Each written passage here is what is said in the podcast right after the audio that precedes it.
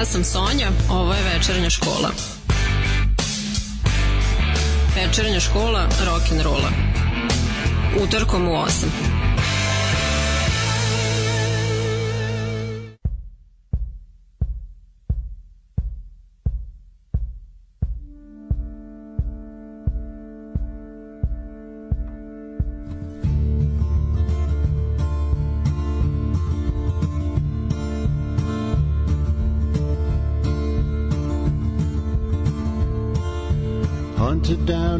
Came upon a place of ferns and grass, gathered to a redbud tree, and now their footsteps pass where I crouch in dread. Discovery, my certain death. Leaves are reaching for my head as I suspend my breath. Redbud tree, shelter me, shelter me. Redbud tree, shelter me, shelter me.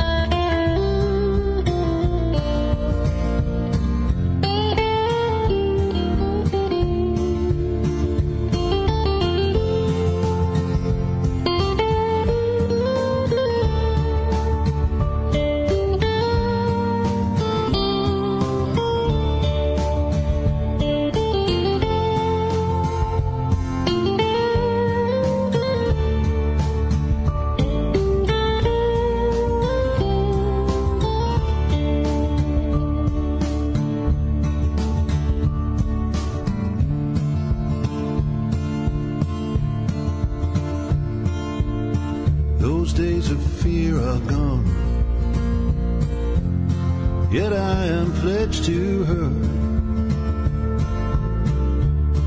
as to my only one, my lovely protector, redbud tree. Shelter me, shelter me, redbud tree. Shelter me, shelter me, redbud tree. Shelter me, shelter me, redbud tree. Shelter me, shelter me.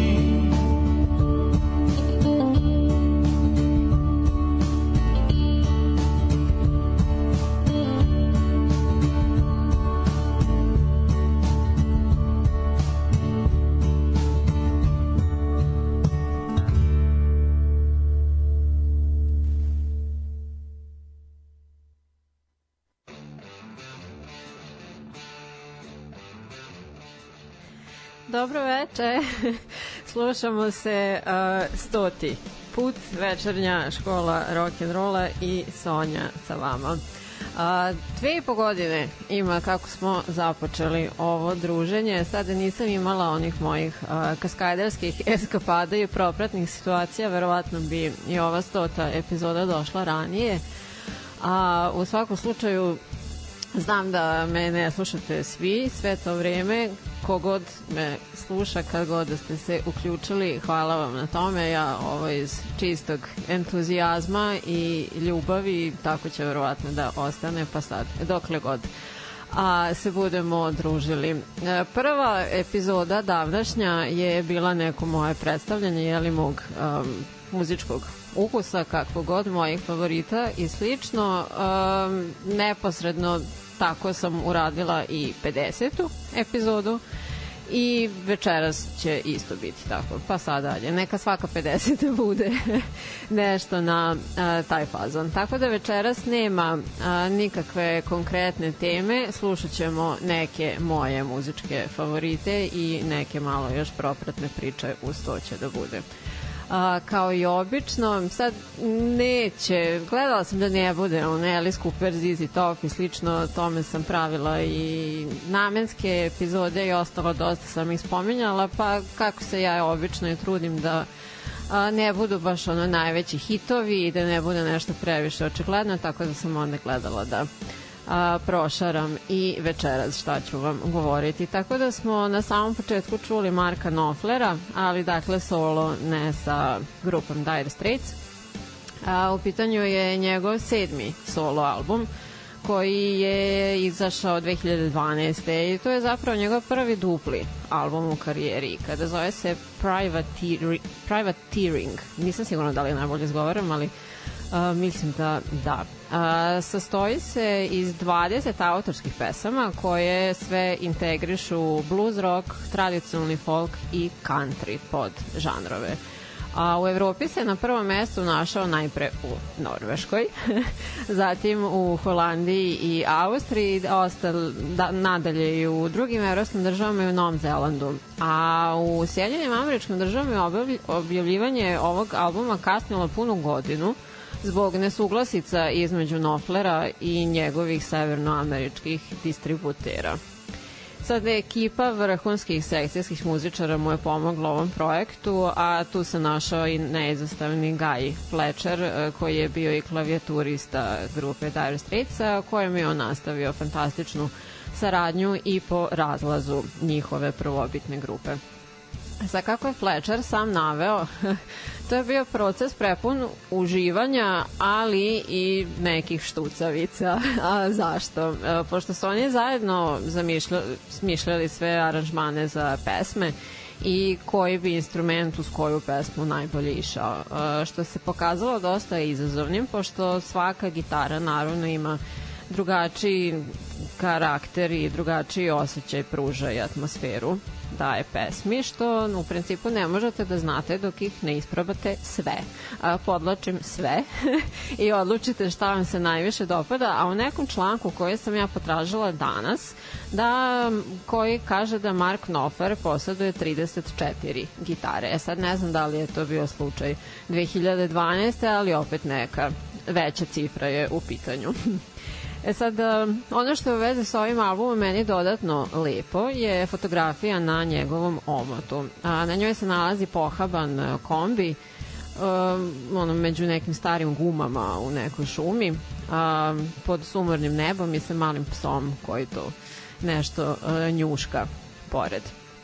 A naslov albuma, dakle, Privateering, inače e, simbolizuje gusarske brodove ako sam ja dobro skontala. Privateer je kao gusarski brod. A Nofer je to uh, upotrebio kao analogiju za savremene rock and roll muzičare koji sami sebi utabavaju uh, put ka uspehu u duhu nezavisnosti i avantura koje uh, se na tom putu nalaze. Naveo je da a, voli da ima tu grupu ljudi sa kojom, tako reći, plovi svetom, ali takođe voli da je predvodi. a, kada se oni susreću sa različitim ljudima i sviraju po različitim mestima, a sve kao bez pomoći drugih, već e, sami okruženi sobom i tom svojom ekipom. Sa što se tiče opet e, tog kombija na fotografiju, vezi sa tim on se prisetio ranih dana svoje muzičke karijere kada je kako je naveo, ako si posjedovao kombi, to bio sasvim dobar predoslov da upadneš u neki bend. što mu je e, ostalo kao prevozno sredstvo uvek blisko srcu. A, toliko sada o Marku Nofloru, dakle, a, e, u sledećih otprilike sat vremena, možda će biti nešto malo preko, a, e, pregled nekih mojih muzičkih favorita za jubilarnu stotu epizodu. Uživajte!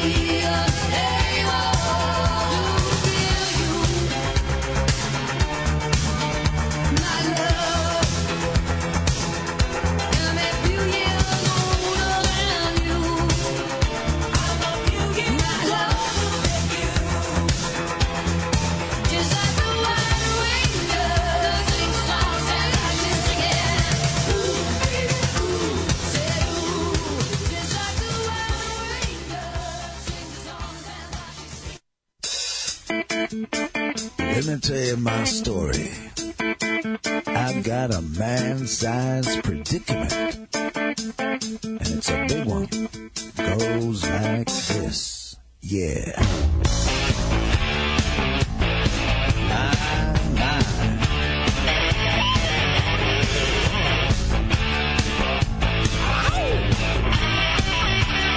Yeah. Never had confession. Never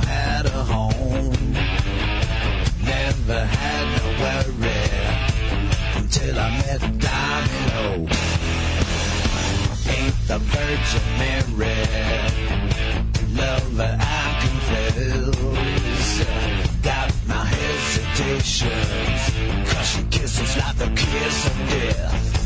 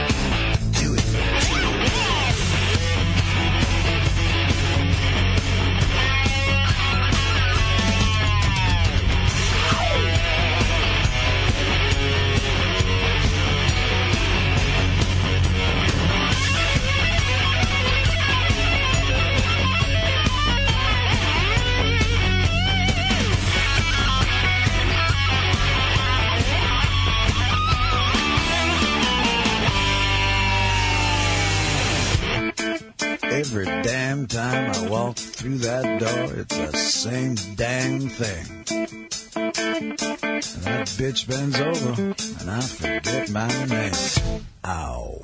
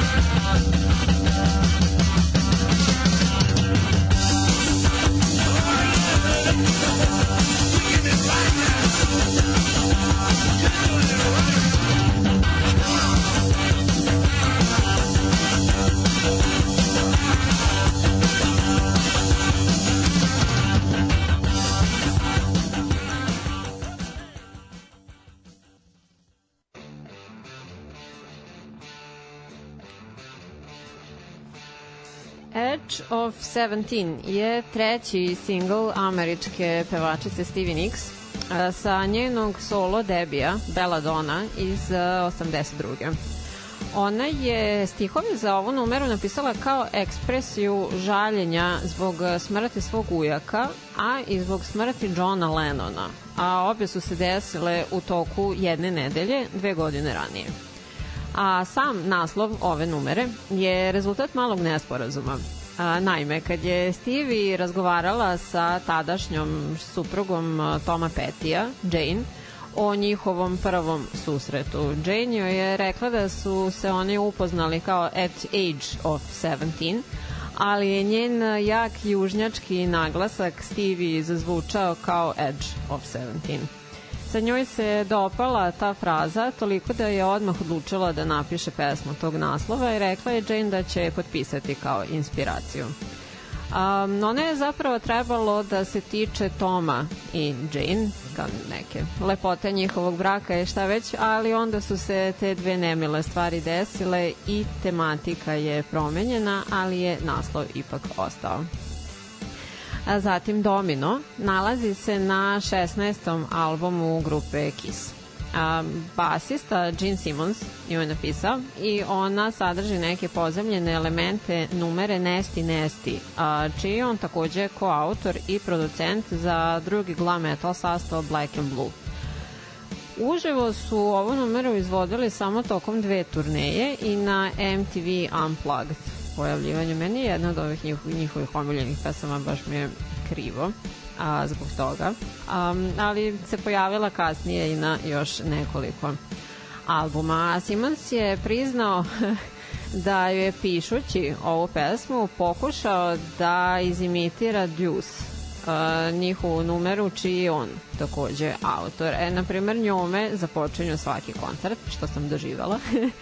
I to im je jedan od najvećih hitova, a za koji Jean inače kaže da lirički nema apsolutno blage veze o čemu se o taj pesmi radi, iako je on pisao.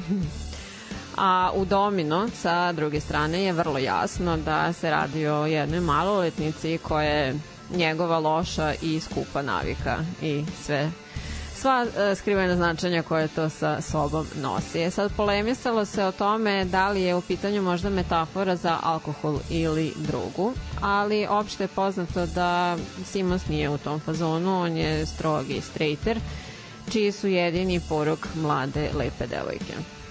Uh, Revenge album im je iz onog perioda bez šminke i poslednji iz uh, te ere posle kog su uh, nastavili da se šminkaju. Podsjetiću, to sam spominjala uh, ranije, da oni kako su krenuli sa svim tim maskiranjem i ostalo i onda su fanovi ljudi kao ajde ne, hoćemo da vidimo kako izgledate, daj pokažite se šta znam. Onda kada su prestali da se šminkaju su ih uh, gnjavili kako ste ružni, onda vratite šminku i ostalo i eto, do danas je tako ostalo. I na kraju čuli smo She Does It Right, a, numeru koja se našla na debi albumu sastava Dr. Feelgood Down by the Jetty, koji datira iz 75. I najviše je inspirisan grupom Johnny Kid and the Pirates, a, koju su voleli Vilko posebno.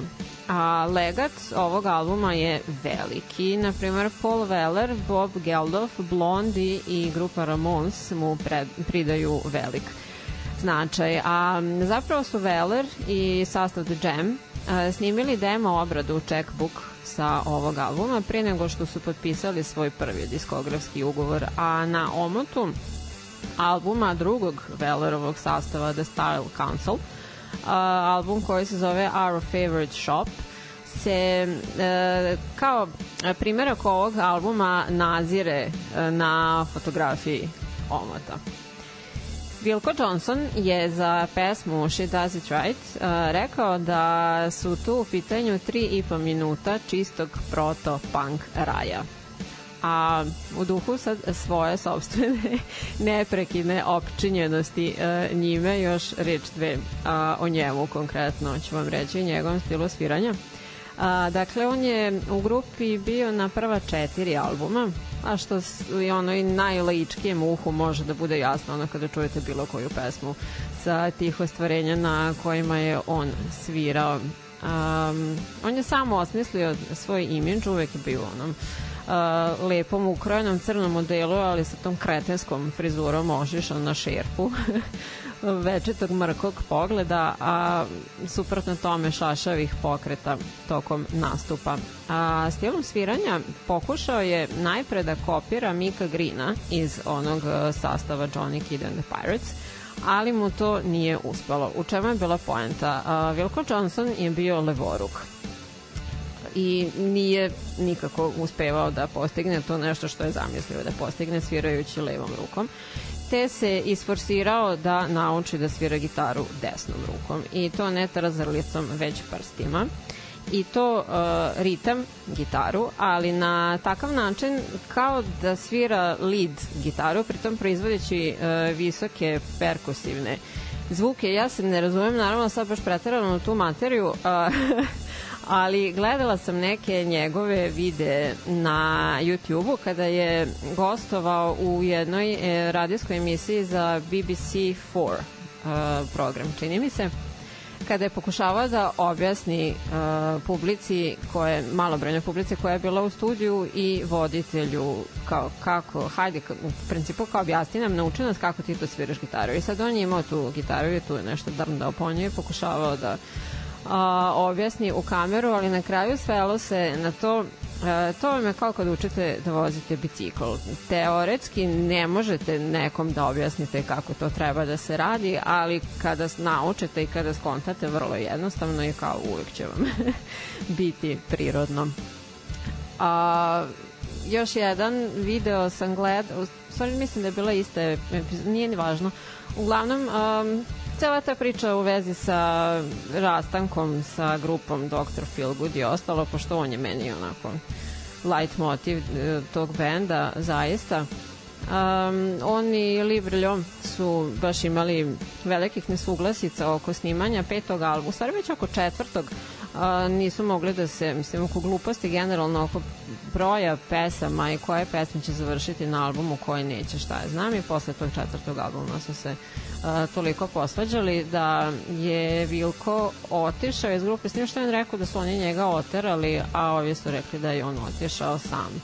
I baš je onako dosta frikcija bilo tu i izgovorenih loših reči godine i godine koje su prolazile da nisu se ni sretali, ni, ni čuli, ni nikako uspevali da izglede to sve, a, da bi se možda jednom, dva put nešto sreli i sad kad ga je taj voditelj pitao, pa kao jeste razgovarali, kako je bilo, kao pa ne, baš je bilo bez veze. Ovo je kao svaki gleda u svoje cipele i ono kao pravili se da se nisu videli. Da bi XY godina kasnije došlo do neke potencijalne ponovne saradnje kao Li je pokrenuo to da bi želeo da oformi ponovo bend i Vilko je rekao ok, može. I dogovorili su se za taj taj dan da se nađu tu i tu i onda Vilko rekao ali već pre sam upoznao jednu devojku i 36 sati smo proveli zajedno, nismo mogli da se odvojimo jednog drugog i ja se nisam pojavio na tom sastanku i tako da Dr. Feelgood se nije uh, oformio ponovo i ovaj voditelj mu rekao, jel ti znaš koliki gnev uh, fanova i ovih ljudi ovdje ćeš da naučaš na sebe? On je rekao, znam, ali to su bili jako dobri 36 sati.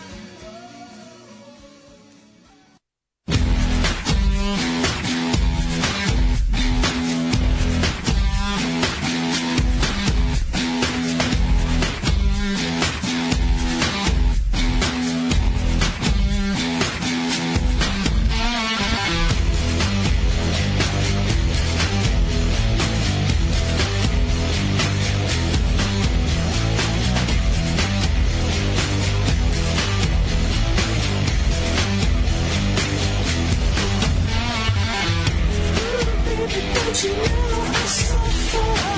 Oh, baby, can you hear? me?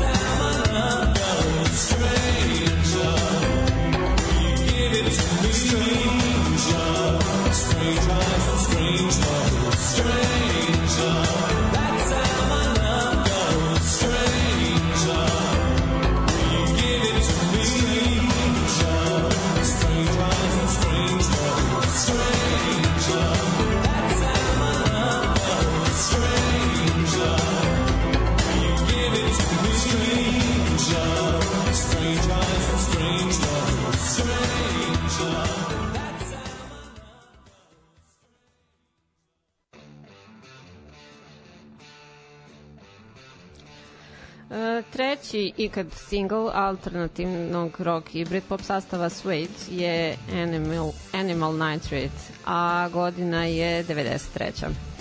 A uvodni riff ove pesme pa može se reći jedan od najprepoznatljivijih, a za koji je gitarista Bernard Butler u apsolutnoj tajnosti, kako je rekao, a, bio inspirisan sa Smells Like Teen Spirit.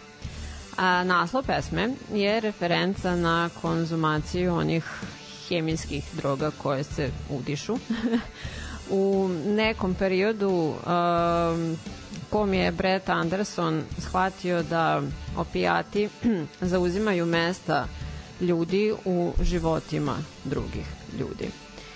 Um, ili što je jedan um, kao muzički znalac elaborirao za BBC predstavljalo savršeno sumiranje toga kako je bilo biti mlad i hemijski disbalansiran u glavnom gradu u to vreme. Video spot za ovu pesmu je samo potpomogao već škakljivosti a, njenih stihova, pošto je sadržavao, pa sad ja stvarno ne znam zašto je to bilo problematično, ali tako su naveli kao jednu izuzetno gojasnu ženu u bikiniju, što se tada iz nekog razloga smatralo opscenim. A, zatim dvojicu muškaraca koji se ljube i osobu a, koja takođe ljubi muškarca koji ima svinsku glavu mesto svoje. A, te je ovaj spot izuzet iz dnevnog televizijskog programa a publicista Columbia Recordsa branio je ovaj spot rekavši da on zapravo samo flertuje sa seksualnom maštom ljudi kroz androginiju, da nema u njemu zapravo ničeg skandaloznog. A ono što je sam bend onako vrlo simpatično poželeo da podeli sa javnošću u vezi sa svime je da su se dobrano narokali kokainom pre nego što su snimali spot. A, Brett je naveo da je želeo da izimitiraju energiju svojih uživo nastupa, a nisu još uvek imali dovoljno iskustva da to urade prosto na zahtev te su se nadopingovali kako bi mogli kao ludaci da skaču okolo za potrebe snimanja.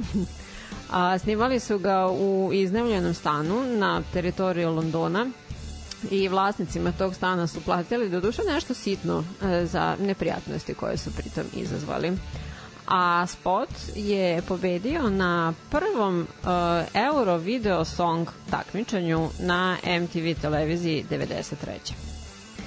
A zatim uh, Supermassive Black Hole je do danas najviše pozicioniran single takođe alternativnog rock sastava Muse čiji je autor Matt Bellamy rekao da je to najrazličitija stvar koju su ikad uradili. E sad naglasit ću do tada, pošto je u pitanju četvrti album sastava Black Holes and Revelations.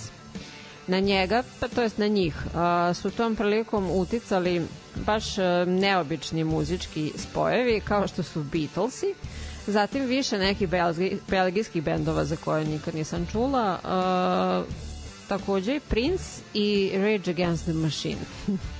Oni su izmiksali, dakle, alternativnu gitaru, onda neke žešće ritmove, malo funka i elektronike i vola, dobili smo to što smo dobili. A Bela mi je rekao da je dosta izlazio po klubovima za džuskanje u Njujorku u tom periodu i tako mu je nekako došla ta ideja da to sve a, iskombinuje, a pored toga što je gotivio grupu Franz Ferdinand kojima je super polazilo za rukom da iskombinuju taj dance ritam sa alternativnim gitarama koji mu se uvek dopadao.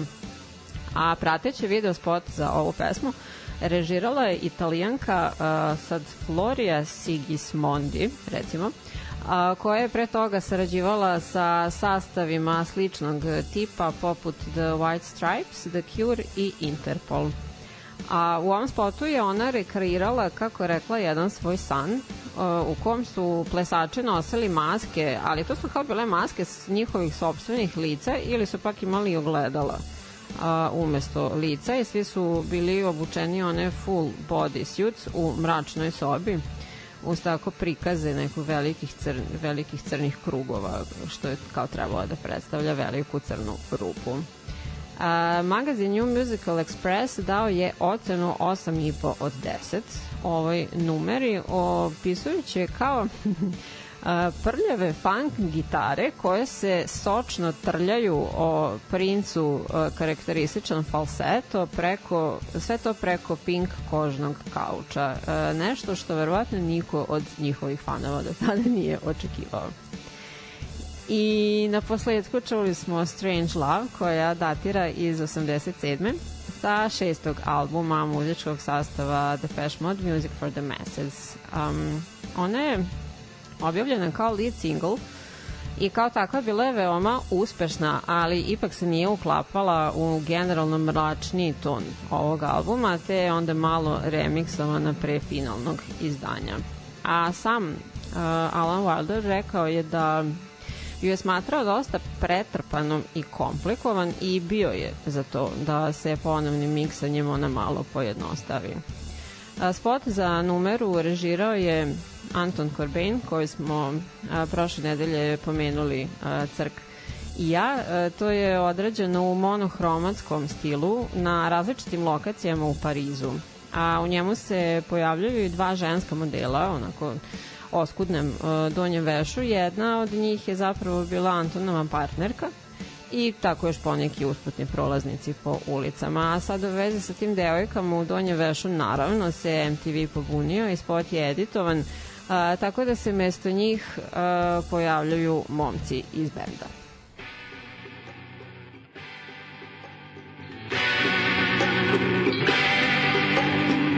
A sudden shock, a sudden leap, floating then flying through the night. Oh, would I really want to leave forever? Mystery struck you and far between. Hand in hand, there's only one. The smallest clue would be a revelation.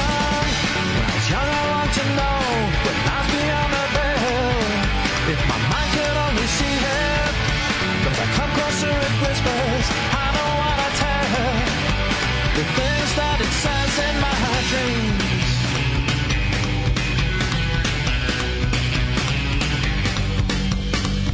Excitement turns to fear and dread. Something I prayed for once denied. So many times I thought this was what I wanted. Now it's here, I don't know what to think. This isn't how I thought I'd feel. The decades now seem a fleeting moment. When I was young, I longed to know what lies beyond the bed. If my mind could only see it. But as I come closer, it whispers, I don't wanna tell the things that it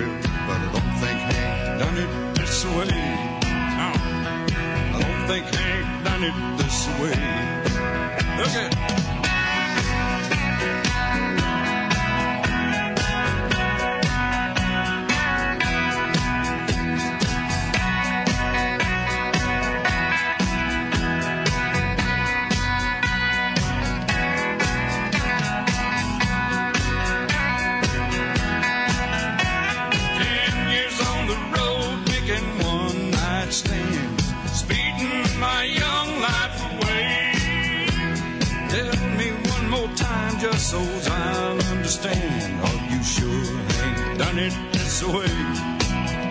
Did old Hank really do it this way?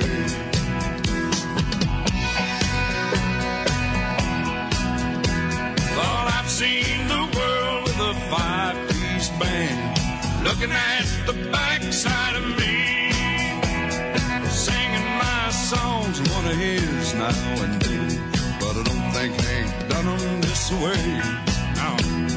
I don't think Hank done 'em this way. Take it on.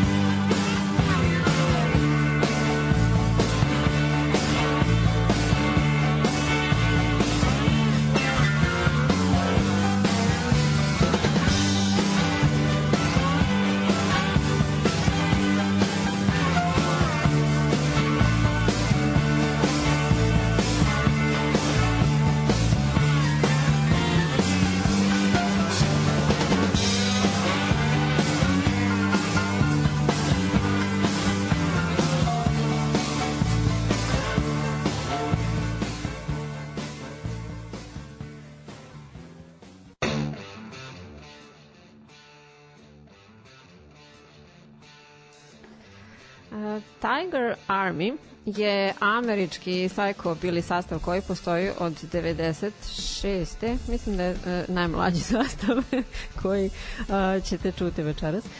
I objavili su šest albuma, a jedini stalni član je osoba koja se odaziva na Nick 13.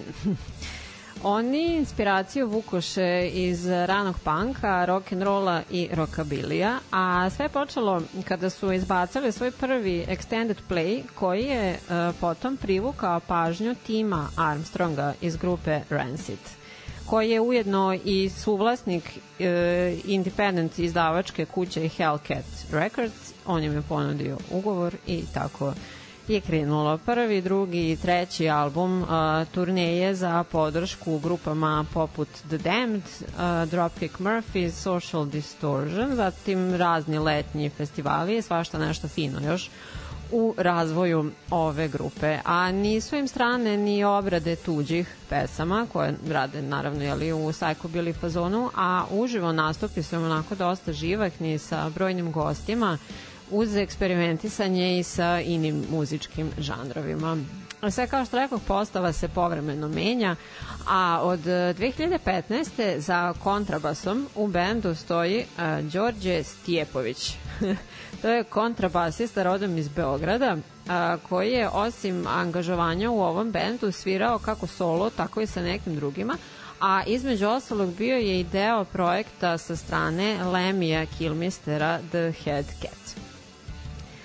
Nadalje, čuli smo Waylona Jenningsa, to je jedan od mojih omiljenih country muzičara, osim uh, Johnny Casha, sad po mom mišljenju i pored Johnny Casha ima najdistinktivniji glas u oblasti uh, countrya, to jest outlaw uh, pokreta. Pesma Are You Sure Hank Done It This Way sasvim očigledno posvećena Hanku Williamsu senioru, a, koga smatraju jednim od najznačajnijih i najuticajnijih pevača i tekstopisaca u Americi 20. veka. E sad, pored pomenjanja njega, u ovoj numeri u pozitivnom maniru, on a, pritom kritikuje sjaj i glamor koji su počeli neizostavno da karakterišu country muzičare 70-ih, referencama na šljašteća odela i nove blještave automobile, pošto Jali Hank to nije radio na taj način, sve nekih dvadesetak godina ranije.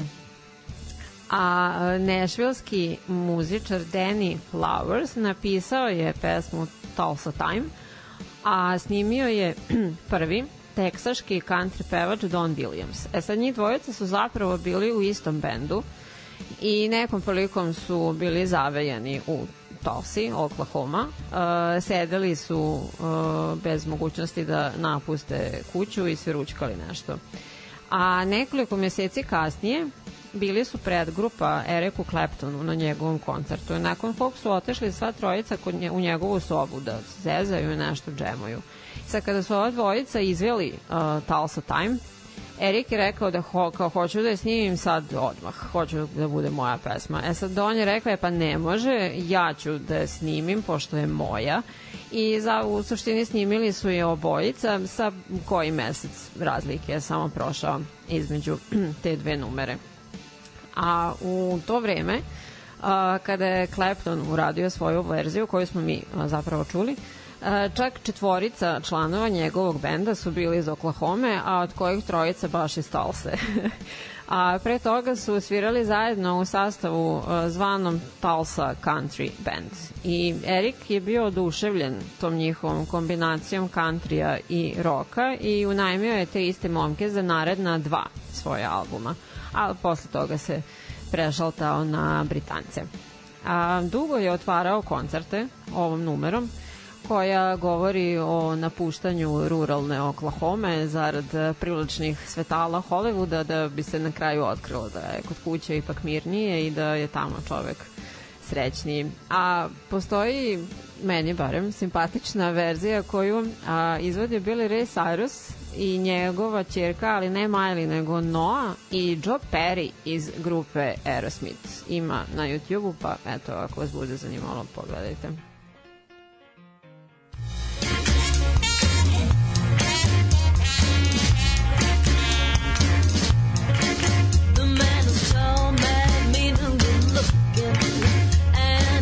Me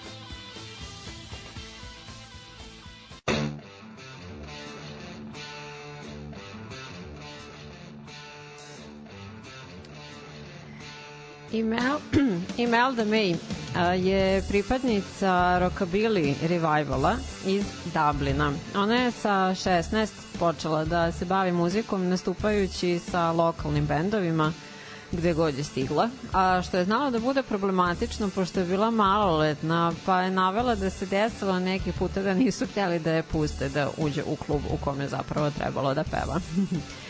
ali krenulo je uzlaznom putanjom u nekom momentu kada se kasnije sa mužem preselila u London, a još više kada je zapala za oko uh, Julesu Hollandu. U pitanju je engleski pijanista, pevač i TV ličnost što je rezultiralo a, najpre praćanjem njega na njegovoj turneji, a zatim je pojavljivanje u, njegovoj, a, u njegovom muzičkom televizijskom šovu.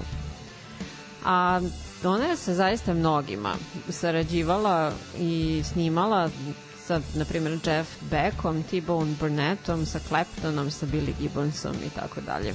A objavila je šest solo albuma i fura taj uh, pin-up stil i vokalno je porede sa jazz pevačicama poput Billie Holiday. Generalno, eto, super. A posle smo čuli Chrisa Riju. Ovaj divni, divni, divni čovek iz uh, Middlesbrough u Engleskoj, ali italijanskog porekla i pravog imena uh, Christopher Anton Ria. Objavio je 25 albuma i poslednji mu datira iz 2019. Sad, ne znam, ko zna ono, da li će ih biti još i koliko, obzirom da su mu sada 72 i da je on malte ne celog svog odraslog života dosta nestabilnog e, zdravlja, počevši od raznih čireva do raka pankreasa od koga je boleo sa samo 33 nakon čega je usledio diabetes, a kasnije i moždani udar, onda višegodišnje pasionirano pušenje sa raznim posledicama i ostalom. Generalno soft je njegov epitet. Soft rock, eh, blues rock, neki pop rock, uvek su to pesme o porodici, o rodnom kraju, ljubavi, nekim lepim momentima i slično. A kada ne piše pesme, zanima se za slikanje i za trke automobila. A do albuma Water Sign, a, za kog je pesma I Can Hear Your Heartbeat, za malo da nije ni došlo, pošto izdavačka kompanija nije htjela da ga finansira po dogovoru, te je on morao da iskoristi one prvobitne demo snimke na kojima on zapravo sam svira sve instrumente, a čak i upravlja ritam mašinom, što je bilo dosta neobičajeno za ono vreme i bio je apsolutno siguran da to neće proći, već je bio spreman da podigne zastavicu, da se preda, batali muziku i otvori italijanski restoran. Ali je neki Gari iz Irske zvao njegovu uh, diskografsku kompaniju, rekao da mu se dopada album i pitao da li bi Rija doputovao u Irsku da održi koncert. On je prihvatio, naravno, otišao je tamo gde su ga dočekali kao Beatlese, te se zadržao prilično dugo, jer mu se svidelo. A svaki sledeći album bivao je sve bolji, šest godina kasnije desio se Road to Hell i ostalo je istorija. I na kraju čuli smo foto finish, ovaj, simbolično.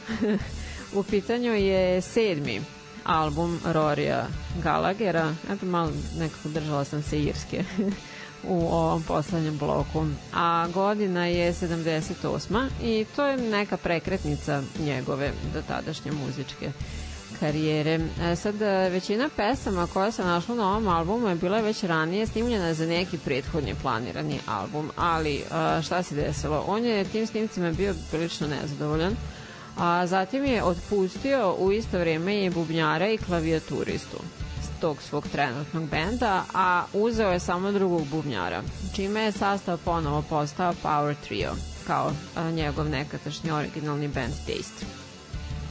A, naziv albuma, dakle Photo Finish je dosta bukvalan, pošto se odnosi na činjenicu da je gotov proizvod dostavio kompaniji pred apsolutno sam kraj roka. A tome svemu, pored e, te radikalne promene muzičara i nezadovoljstvom pesmama i slično, doprinelo je to što je nekom prilikom izlazeći iz taksija ozbiljno povredio palac na ruci, za šta mu je trebalo poprilično vreme da se oporavi. A sad i na ovom albumu kao i na e, prethodnima neke pesme su inspirisane Rorijevom velikom ljubavlju e, ka fikciji i filmu noir. A mesto da sam producira album, kao što je imao običaj do tada, radio je sa Eliotom Mazerom, a, koji je pre toga bio zaslužen za mnoge hitove Nila Younga. I to su sve radili u Nemačkoj, uz inženjere zvuka koji su prethodno radili sa Stonesima i Paulom McCartneyem, što je sve Rory opisao kao super iskustvo. I a, time završavamo večerašnje druženje i ovu stotu epizodu. Ne mogu da vam opišem, ja sam imala osmeh na licu sve vreme dok sam a, ovde, em slušala muziku, em časkala sa vama. A, tako da vam hvala na slušanju i učinite to i u sledećih 100 epizoda. A, do tada možete me podržati i na Patreonu i na Paypalu i hvala vam na svim super komentarima koje ste mi slali. Stvarno mi je bilo odlično. A, da, sledećeg utorka se nećemo slušati, ja sam malo da vam bacim bombu na kraju, možda najzad dočekah da i ja za sam kraj leta negde putujem, a, neću biti tu sedam dana, idem u subotu i vraćam se ono tamo u subotu. Tako da se za dva utorka a, slušamo ponovo. E, ništa, onda za dve nedelje, ćao!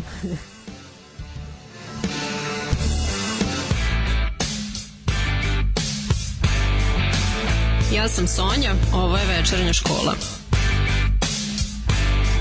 Večernja škola rock'n'rolla. Utorkom u 8.